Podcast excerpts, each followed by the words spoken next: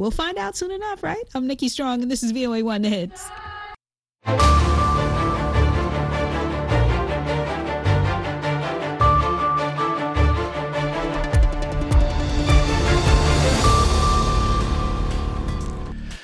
halkani waa washington laanta afka soomaaliga ee v o a oo aad ka dhageysanaysaan mawjadaha gaagaaban efmiyada geeska afrika iyo caalamkao dhan oo aad nagala socotaan v o a somaly com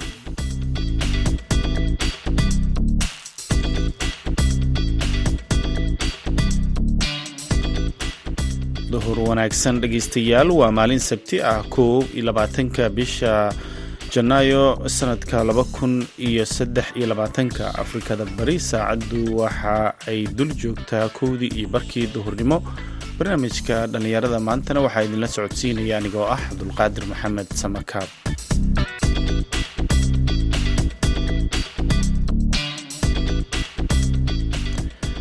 qodobada aan idinkugu hayno idaacaddeenna duhurnimo waxaa ka mid ah barnaamijkii madasha dhallinyarada oo toddobaadkan aan ku eegi doonno nafaqadarrada ku habsata bulshada iyo waxyaabaha keena iyo weliba sida looga hortegi karo. Shayga aas-aasiga haddaan ka bilaabay nafaqadarrada sabab waxaa ka mid a wax soo saarka dalka cunooyinka kala duwanee waddanku la soo baxo siyaasadda dowladda cuntada waddanku soo dhoofsanayo ciyaarihii iyo kaalmihii heesaha ayaad sidoo kale ku dhagaysan doontaan idaacaddeenna duhurnimo balse intaasoo dhan waxaa ka horreeya warkii dunida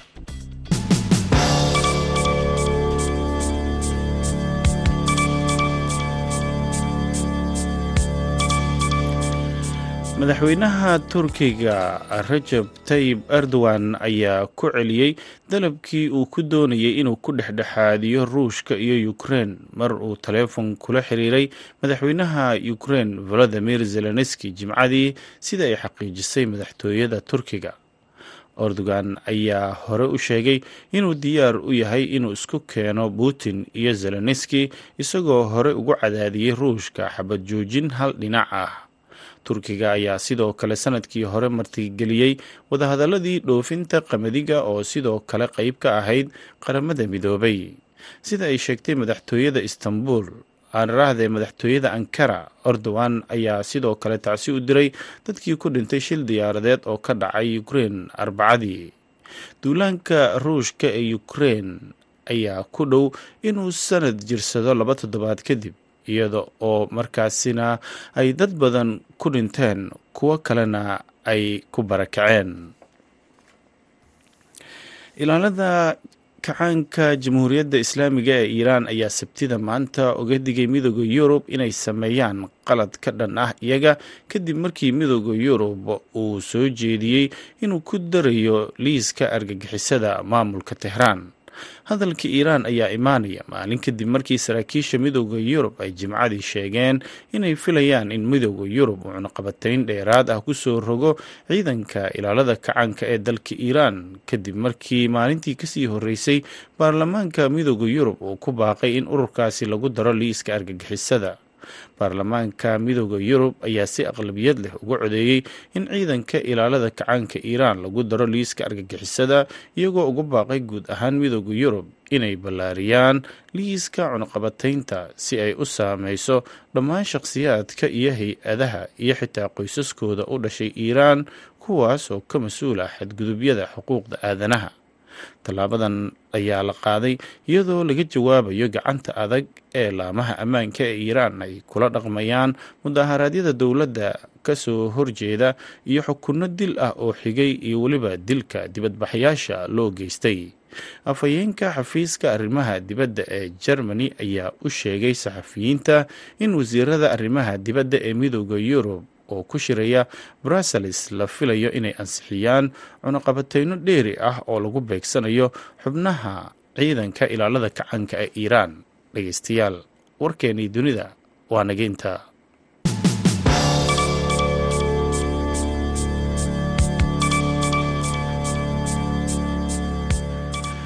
halkaaad warkaasi ka dhageysanaysaan waa idaacadda v o a oo idinkaga imaaneysa washington. Dahur wanaagsan mar kale dhegeystayaal haddana waxaad ku soo dhowaataan barnaamijkii madasha dhallinyarada. Waxaa soo diyaariyey haashim sheekh cumar good oo ka soo diray magaalada boorame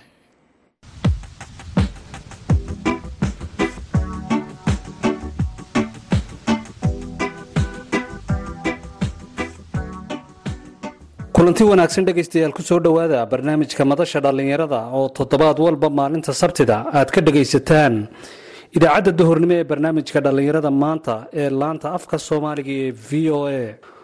Toddobaadkan waxaan ku soo qaadan doonaa barnaamijkeenna madasha dhallinyarada nafaqadarrada iyo waxyaabaha keena iyo siyaabaha looga hortegi karo xaaladda nafaqadarrada waxaa barnaamijka inoogu martiya toddobaadkan sakariya daahir cige oo ah madaxa ururka san oo loo soo gaabiyey koruqaadista nafaqada qaranka iyo maxamed faarax kibaar oo isagu ah aqoon-yahan bartay waxyaabaha keena nafaqadarrada iyo sida loola tacaalo xaaladda nafaqadarrada haddaba iyadoo dhulka soomaalidu degto badankiisa ay ka jirto xaalad abaareed oo ay ka dhalan karto nafaqadarro baahsan ayaa waxaa dhowaan laga bilaabay degmooyin somalilan ka mid ah sida degmada boor ama wacyigelin la xidhiidha koruqaadista nafaqada haddaba aan ku horreeya sakariya daahir oo ah madaxa barnaamijkaasi iyo ururka wada waxaana wax ka weydiiyey bal inuu sharaxaad inaga siiyo barnaamijka nafaqada qaranka ee loo soo gaabiyo san iyo sida uu ku aasaasmay iyo wacyigelintiisa.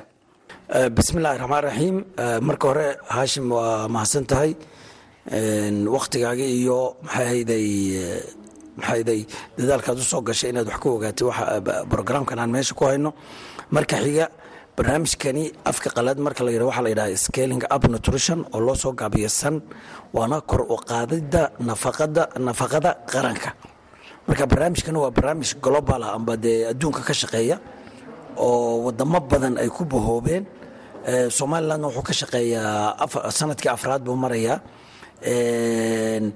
Waxaana ku bahoobay dee barnaamijka xafiiska mahamiyaddu leeyahy waxay kutusaysaa xafiiska madaxweyne ku-xigeenka hoos yimaadaa toban wasaaradood iyo laba hay'adood baa ku bahoobay markay noqoto dowladda dhexe. Barnaamijkana wuxuu de ku saabsanya intaa la soo dhisay wacyigelintiisii iyo nidaamkiisii iyo qaab dhismeedkiisii baan muddo soo wadnay. Waxaa maanta aan u joognay halkan magaalada boorama caasimadda gobolka awdal in aanu iyadana barnaamijkii sida qaabkii maamul daadejinahaan ugu soo samayno. Oon maanta halkan labadii cisho u dambeysay shalay iyo maanta aan aan ku falanqaynaynay. Muxuu yahay barnaamijka koruqaadida nafaqadu.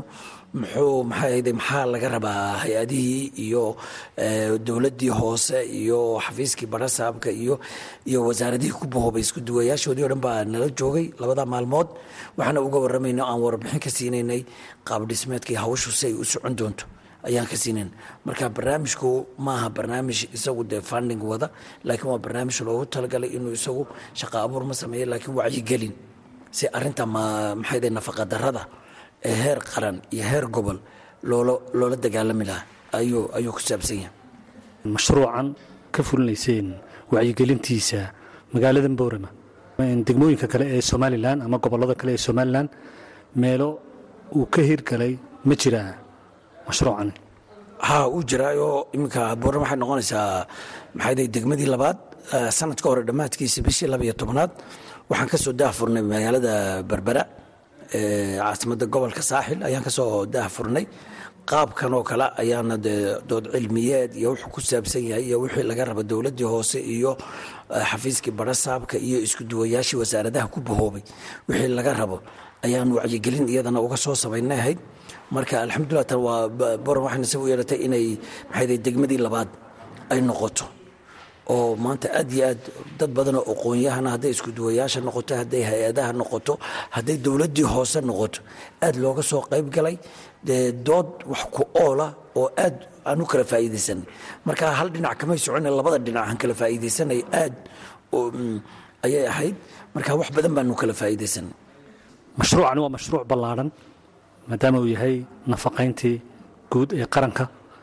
Yaa idinka caawinaya shaqada aad qabanaysaanse inta badan horta dee barnaamijkan markii la soo hindisay qoladan u n ta iyo ay soo hindiseenba ee la yidhi barnaamijka scaling up nutrition oo dowladaha soo koraya ee ka jirto nafaqadarrada darani in wasaaraddu lagu dhaafin maahina waa in lagu ballaariyo multi sectoral waxa loo yaqaano uu noqdo iminka ahaan xukuumadda iyo hay'adda f a o unicef iyo w f b ayaa ka mid ah kuwa maxayday hadda ahaan na suboor gareey laakiin waxaan rajaynaya inay hay'ado badanna ku soo biiri doonaan. Waxaana rajaynaynaa oo kale maxayday dowladaha hoose iyakuna inay ku darsan doonaan contributionkoogii. Waxaan rajaynaynaa xukuumaddii dhexe iyadana oon aad ugu rajo weynahay in wixii laga filaya wax ka badanba iyaduna insha allah ay ku deeqdo ayaan rajaynaynaa. Marka la eego xaaladda nafaqadarrada ee ka jirta guud ahaan somalilan gaar ahaan gobolka awdal iyo degmooyinkii kale aad ka soo shaqayseen ee ay ka mid tahay degmada berbera xog intee leeg ayaad ka haysaan nafaqadarrada ka jirta waddanka horta dee xaggii hadday noqoto xog ururintii inta badan wasaaradda caafimaadka noo qaabilsan oo xog ururinta haysa xogtii badidiisii haysa waxaa kaloo jira hay'addani maxaayde f n c u la yidhahay qayb ka mid a hay'addani beeraha iyo cuntada ee qaramada midoobey f a o da iyaduna sannadkii laba jeer bay samaysaa qiimayn oo gugiina mar bay samaysaa dayrtiina mar bay samaysaa. Marka waxaasoo dhan baa xogta laga soo ururiyaa. Markaad guud ahaaneed aad eegtid tobankii sane ee la soo dhaafay waxaasoo hay'ado oo ka shaqaynaya waxaasoo dadaalo oo la galay. Wax badanoo isbedelay ma jiro taana waxaa keenaysa dee fakteeradii kale amba cawaamiltii kale dhibaatada culayska saarayay iyadoo markii horeba dee abaaro tobankii sane ee u dambeysay ay abaaruhu soo noqnoqonayeen ay haddana soo ay ay duufaankii haddana ku dhisfan jiray dee xeebahoo dhan beeralaydii haddii khaasatan degmada baki oo dhan dee beeralaydii oo aad u saameeyey.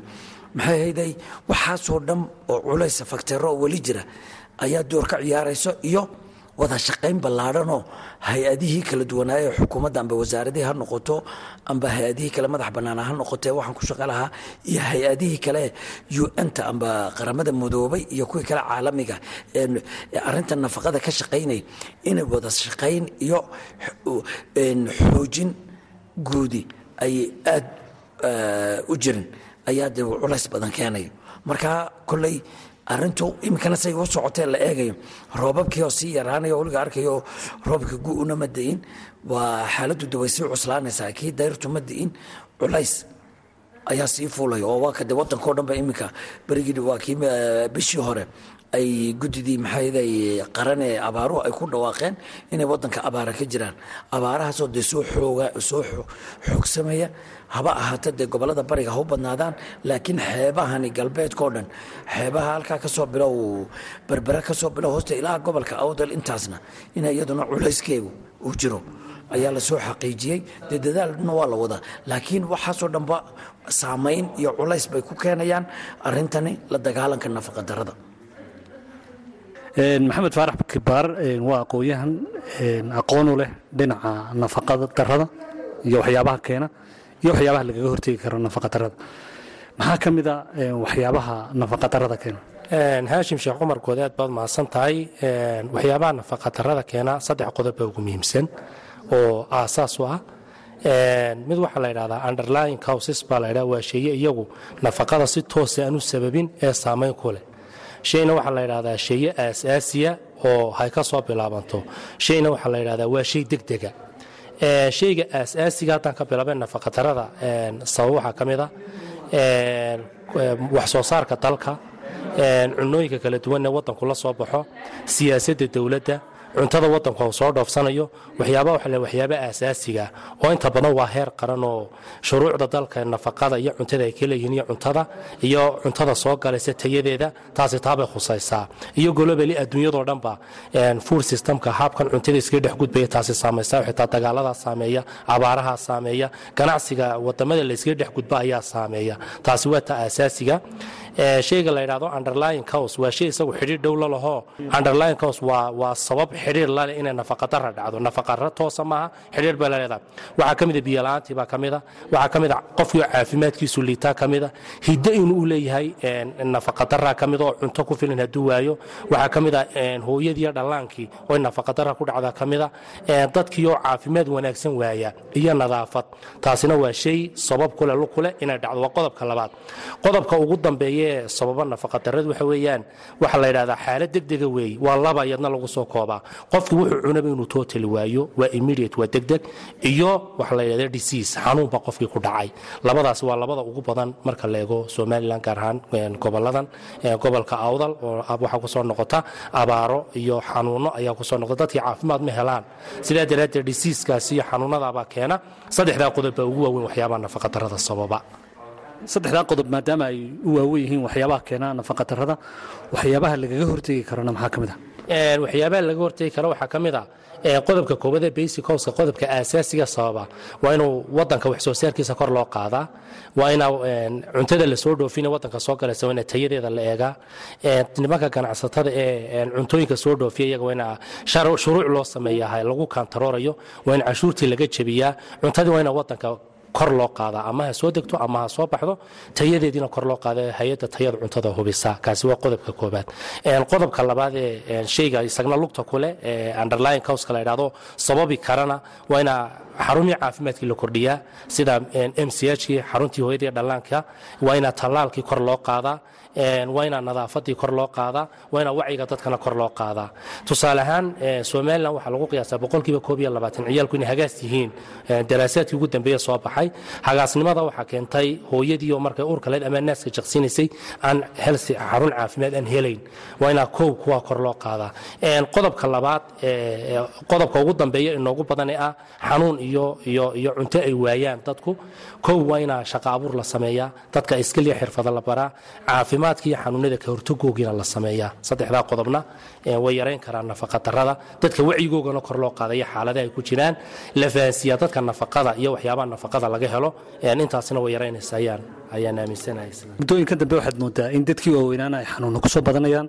Carruurtiina nafaqadarrada ku soo badanayso maxaa sababa in xanuunno cusub oo macaanka iyo waxyaabo kale ka mid yihiin ay dadkii waaweynaa ku soo bataan? Dadkii yaryaraana ay nafaqadarradu noocan ahay ay ku soo korodho. Marka la eego dhinaca cuntooyinka labaanu kala saari doonaa. Dadka waaweyn iyo dadka yaryaraa dadka waaweyn inan xanuunadan waxaa la ydhahdaa xanuunada muddada dheer lala noolaada la ydhahda coronic disease baa la ydhahdaa sida macaanka iyo dhiikarka kowka somaliland boqolkiiba toddobay ka yihiin koob iyo labaatan labaatankii somaliland healthy survey sahamin la sameeyey. Waxaa keena kow dadka oo dietiskoogu ayna saxnayn healthy diet nacam cuntadooda oona saxnayn. Maadaama ayna cuntadoodu saxnayn waxaa jira wax la ydhaahdo qofku xanuunadaas waxay soo shaacbaxaan xilliga fordiaska lagu dhow yahay afartameeyada dadka qofkaasi waxaa loo bahanya inuu cuntadii kaantarooro. Dadkoon cuntadii kaantaroorin baa taa sabab u ah. Waxaa kaloo sababa way of habka loo nool yahay ee bulshadu u nooshahay baa sababa waxaa kaloo sababa dadkii oon cuntadii ana ka haysan cuntadii munaasabka ku hayd iyagoon aqoon ka haysan wacyigelin haysan taasi dadka waaweyn sabab ay u tahay. Tal ciyaalka waxaa sabab u ah hooyooyinka waxaa looga baahan yahay intayna uur yeelan sida standardka guud ee w h o soo diyaarisay in hooyadu marka inay ilmo dhasho doonayso saddex bilood ka hor hay nutritional cuntadeeda heerkeyga cunto la qiimeeyaa.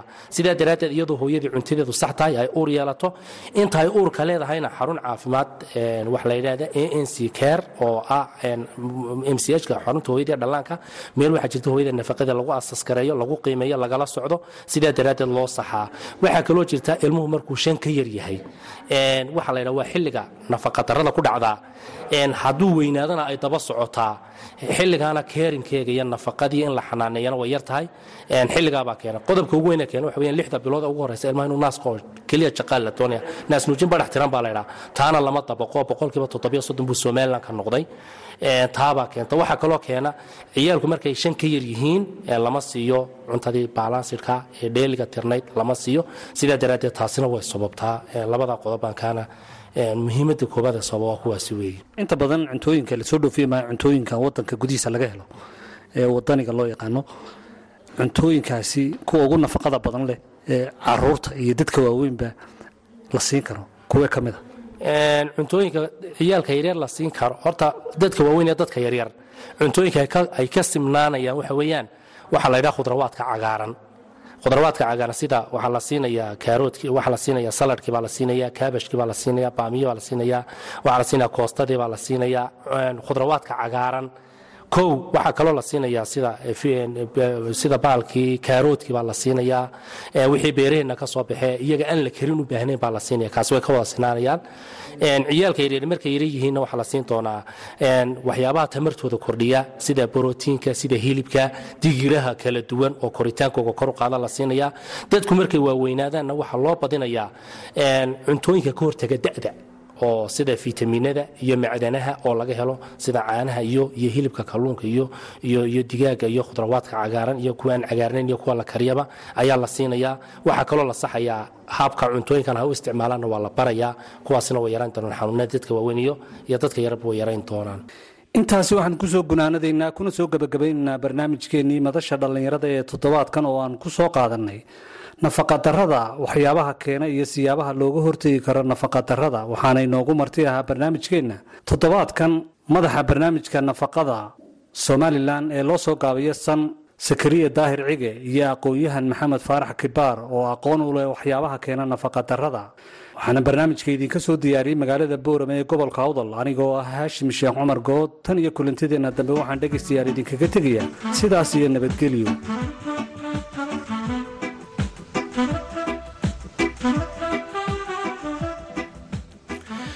aad ayuu u mahadsan yahay haashim sheekh cumar good oo nala socodsiinayey barnaamijkii madasha dhallinyarada. Mar kale duhur wanaagsan dhegeystayaal haddana waxaad ku soo dhowaataan wararkii cayaaraha haddii aan ku horeyno dhinaca dalka talyaaniga kooxda yuventus ee kubadda cagta ayaa shan iyo toban dhibcood laga jaray xilli ciyaareedkan kadib markii ay maxkamad ku taala talyaaniga ay baaritaan ku heshay qaladaad ka dhacay qaabkii ay suuqa kala iibsiga ciyaartooyda uga soo iibsan jirtay ciyaartooyda taas oo keentay in kooxda ugu guulaha badan seere aaga ay hoos uga dhacdo kaalimaha hoose ee kala horeynta horyaalka. Yuventus ayaa ka dhacday kaalinta tobnaad markii laga jaray shan iyo toban dhibic iyada oo markii hore ku jirtay kaalinta saddexaad waxayna lahayd toddobiiyo soddon dhibic xukunkan ayaa sumcad xumo ku ah kooxda caanka ah ee yuventus maxkamadda ayaa sidoo kale koob iyo toban ka mid ah agaasimayaashii hore iyo kuwa hadda ee yuventus ka mamnuucday maamulka kubadda cagta waqtiyo kala duwan. Waxaa ka mid ah andre aneli oo toddobaadkan loo bedelay gudoomiye kadib markii uu si rasmi ah isu casilay bishii novembar guddoomiyihii hore oo lagu xukumay afar iyo labaatan bilood iyo agaasimihii hore ee isboortiga fabio baratiki oo ah hadda maamulaha kubadda cagta ee kooxda premier league ee tottenham hosbor oo lagu xukumay soddon bilood. Yuventus ayaa dafirtay inay qalad samaysay waxayna sheegtay in dhaqankooda uu waafaqsan yahay xeerka kubadda cagta dhinaca kale kulamo ka tirsan isla horyaalada kala duwan ee qaaradda yurub ayaa maanta la ciyaarayaa haddii aan ku horeyno isla horyaalka talyaaniga oo aan ka soo hadlaynay kooxda napoli oo hogaamineysa ayaa la ciyaari doonta kooxda salanetana sidoo kale fiorentina iyo torino ayaa is arki doona verona iyo lechana way isku aadan yihiin. Dhinaca kooxda napoli ayaana dooneysa inay sii dheereysato fursadda hogaaminta horyaalka sere aga oo sanadkan ay wacdaro ka dhigayaan. Dalka ingiriiskana kulan adag ayaa goor dhow wuxuu dhex mari doonaa kooxaha liverpool iyo chelsea labadan kooxood oo ka mid ah kooxaha ugu magaca weyn dalka ingiriiska ayaa hadda uu xaalka ku xun yahay. Labadooda waxa ay ku kala jiraan kaalimaha sagaalaad iyo tobnaad waa isku dhibco oo miins sideed iyo labaatan dhibic ayay leeyihiin. Ciyaartooda ayaana midba midka kale ay muhiim u tahay. Waxaa kulankan uu ka dhacayaa garoonka kooxda liverpool ee anfield. Chelsea ayaana loo malaynayaa in ciyaartooydeeda cusub ay markaasi ka soo muuqan doonaan garoonka. Labadan kooxood midii badisa ayaana toos u geli doonta kaalinta sagaalaad. Tababare georgian clob iyo tababare botter ayaana ilaa iyo hadda maaro ula dhibaatooyinka haysta kooxaha ay kala hogaamiyaan ee liverpool iyo chelsea. Lester waxay la ciyaareysaa braton southampton iyo stonvilla ayaa isku aadan westerham iyo evertonna way is arki doonaan. Dhegeystayaal wararkeenni waa naga intaa balse waxaad ku soo dhowaataan kaalmihii heesaha iyo codkii maxamed mooge. Aan idhaahdee codkii axmed mooge